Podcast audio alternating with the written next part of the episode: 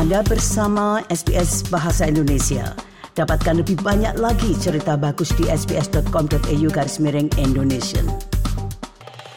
Para pendengar kelompok waria atau transpuan adalah salah satu kelompok yang masih tersisih di Indonesia, baik karena sistem pemerintahan maupun karena faktor budaya. Mereka harus berjuang sendiri dari bagaimana memperoleh layanan pendidikan, kesehatan, bagaimana bekerja, atau mencari kesejahteraan di tengah perjalanan kehidupan mereka. Dan itu bukan hal yang mudah. Untunglah ada lembaga-lembaga yang menolong mereka, misalnya di eh, Yogyakarta ada Waria Crisis Center yang dikelola oleh eh, Ruli Malai Eh, seorang waria yang juga aktivis dan membantu teman-temannya untuk setidaknya bertahan dalam kondisi yang serba sulit. Ibu Ruli Malai akan menceritakan bagaimana kiprahnya dan kiprah organisasinya dalam wawancara berikut ini.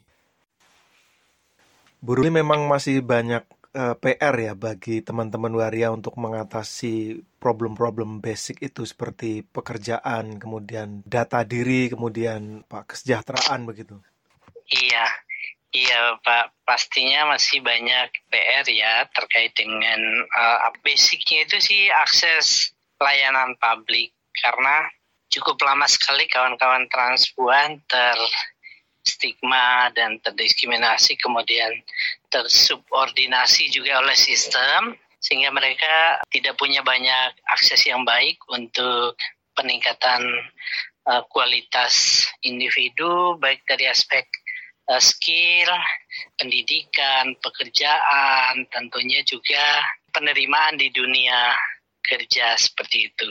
Nah itu kan uh, rangkaian dari problem panjang ya karena karena persoalan uh, penerimaan terhadap uh, buir pada umumnya di Indonesia kan masih sangat uh, tinggi belum lagi ya terutama sekali pasca reformasi 98 yang menguatnya kelompok-kelompok mainstream hmm. uh, Islam sangat berdampak sekali uh, terhadap um, ya munculnya kayak hate speak baik di termasuk di media juga yang belum cukup netral dalam me, menyampaikan berita-berita uh, tentang kawan-kawan queer. Sehingga mungkin kata mulai dari pemilihan kata LGBTQ saja yang itu sudah syarat dengan pembunuhan karakter terhadap kelompok transpuan. Apalagi untuk bisa sampai kepada peningkatan kualitas dalam memperoleh akses secara standar dan layak ya, baik dari uh, segi uh, pelayanan publik, segi uh, pemenuhan kebutuhan uh, dan akses lainnya termasuk juga jaminan kesehatan, hmm. jaminan uh, ketenaga kerjaan dan lain sebagainya. Bu, kalau itu juga terjadi di sektor pendidikan, berarti uh, teman-teman waria sudah mengalami itu sejak uh, muda ya, sejak awal begitu? Ini betul, karena kan mereka sudah diawali dari lingkup keluarganya yang tidak menerima. Nah, sehingga banyak transpuan yang coming out di luar karena penolakan dari keluarganya sehingga mereka memilih mungkin um, meninggalkan rumah atau karena diusir biasanya seperti itu. Sehingga dia baru baru bisa coming out setelah itu. Ada beberapa rekan-rekan wanita muda yang masih tinggal bersama keluarga dan cukup uh, didukung dengan baik ya. Tapi itu baru-baru ini setelah uh, ada semacam dukungan proyek uh, inklusi yang uh, kami lakukan secara serempak di Indonesia saya kira dengan digawangi oleh PKBI pusat ya dalam hal ini. Tapi juga ada upaya-upaya yang kami lakukan secara apa progres melalui pengorganisasian kelompok basis pada komunitas transpuan. Kalau mereka sudah ya. ditolak oleh keluarga teman-teman transpuan ini, berarti mereka harus pada kasus tertentu ya, mereka harus meninggalkan rumah begitu ya? Biasanya begitu dan ketika meninggalkan rumah dia hanya uh, pergi dengan apa yang melekat di badannya, tidak membawa identitas, tidak membawa surat kepindahan kependudukan dan lain-lain yang kemudian itu menjadi hambatan tersendiri misalnya untuk bisa melanjutkan uh, pendidikan jika pun ada akses scholarship dan lain sebagainya.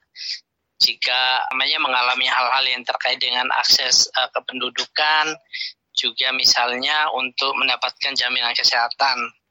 Lah, ini baru sekitar pasca uh, pasca pandemi COVID-19 kita 2021 ketika ada isu vaksin itu sehingga ada advokasi advokasi yang menyeluruh dulu. Kalau di Yogyakarta itu uh, bersyukur karena di Kabupaten Sleman itu 2014 itu sudah dimulai uh, apa menerapkan kebijakan pemberian uh, kemudahan akses identitas bagi kelompok rentan. Sehingga ada 15 kawan-kawan transpuan yang waktu itu mereka dapat pengurusan KTP kalau di Jogja.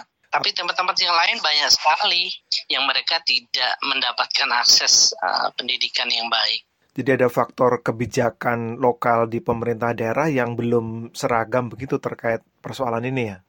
Betul, itu salah satunya. Saya kira memang harus ada polisi yang diambil di tingkat lokal yang bisa mengadaptasikan uh, sebuah penerimaan terhadap kelompok rentan. Karena kan uh, bahkan di aspek kerentanan itu sendiri kawan-kawan transpuan itu nggak masuk di kategori karena mereka dilekatkan dengan kayak LGBT kayak gitu-gitu itu nggak ada di dalam nomenklatur pro, programnya pemerintah. Sebagai kelompok rentan tidak itu diakui begitu ya? Akan sangat iya betul sekali. Paling kelompok rentan aja ya diakui eh, paling difabel atau perempuan pekerja seks atau odif ya transpuan itu saya kira uh, uh, ya termasuk dalam kategori kelompok yang tidak diakomodir. Hmm. Nah, itu betapa uh, pros apa stigmanya sudah ada dari dari level ya dari uh, definisi awal saja untuk menerjemahkan kelompok rentan dalam nomenklatur peraturan perundang-undangan itu bahkan tidak tidak disebutkan kawan-kawan transpuan. Hmm. Kalau uh, kondisinya seperti itu berarti uh, ketika pada usia cukup untuk bekerja pun teman-teman transpuan juga kesulitan untuk mengakses lapangan pekerjaan. Saya kira hanya sedikit institusi kerja formil yang bersedia untuk menerima kawan-kawan transpuan. Nah, akan menjadi berbeda ketika transpuan itu misalnya diterima sejak dini, katakanlah uh, seperti saya masih bisa uh, duduk di bangku sekolah menengah karena kan orang tua dari dari awal ya menerima walaupun lingkup keluarga saya itu kan lingkup keluarga tentara gitu. Jadi uh, sejak dini karena mereka sangat menyadari bahwa aspek keragaman gender itu ada dalam silsilah keluarga saya. Ada salah satu pak de saya itu uh, dia seorang bisu, tapi dia juga adalah perwira tentara seperti itu. Nah sehingga menyadari itulah kemudian orang tua saya menerima di keluarga kawan-kawan transpuan secara mayoritas boleh dikatakan hampir semuanya tidak punya pemahaman yang baik terhadap uh, transpuan sehingga mereka itu sudah melakukan kekerasan sejak awal terhadap hmm. anaknya yang uh, entah itu dia coming out sebagai uh, transpuan atau sebagai lesbian, sebagai gay uh, dan lain sebagainya seperti itu pasti akan mendapatkan penolakan dan, akan uh, hanya sedikit sekali keluarga yang uh, yang mau menerima. Dan ketika ditolak kemudian mereka lari, uh, bagaimana mereka bekerja untuk uh, memenuhi kebutuhan hidup misalnya?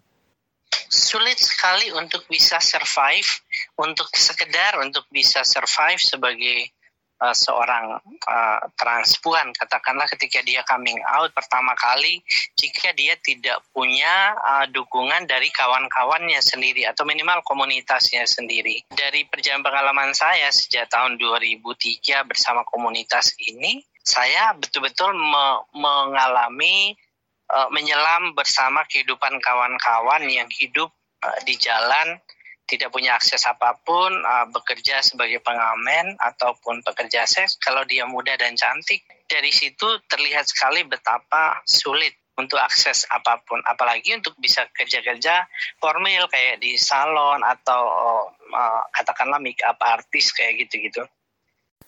Para pendengar, Ibu Ruli Malai, seorang waria atau transpuan yang juga memimpin organisasi Waria Crisis Center, berbagi kisah tentang bagaimana pengabdiannya untuk teman-teman waria atau transpuan di Indonesia di tengah situasi serba sulit akibat penerimaan yang belum tentu mudah bagi keluarga maupun masyarakat. Semoga menginspirasi untuk kita semua. Terima kasih dan sampai jumpa kembali.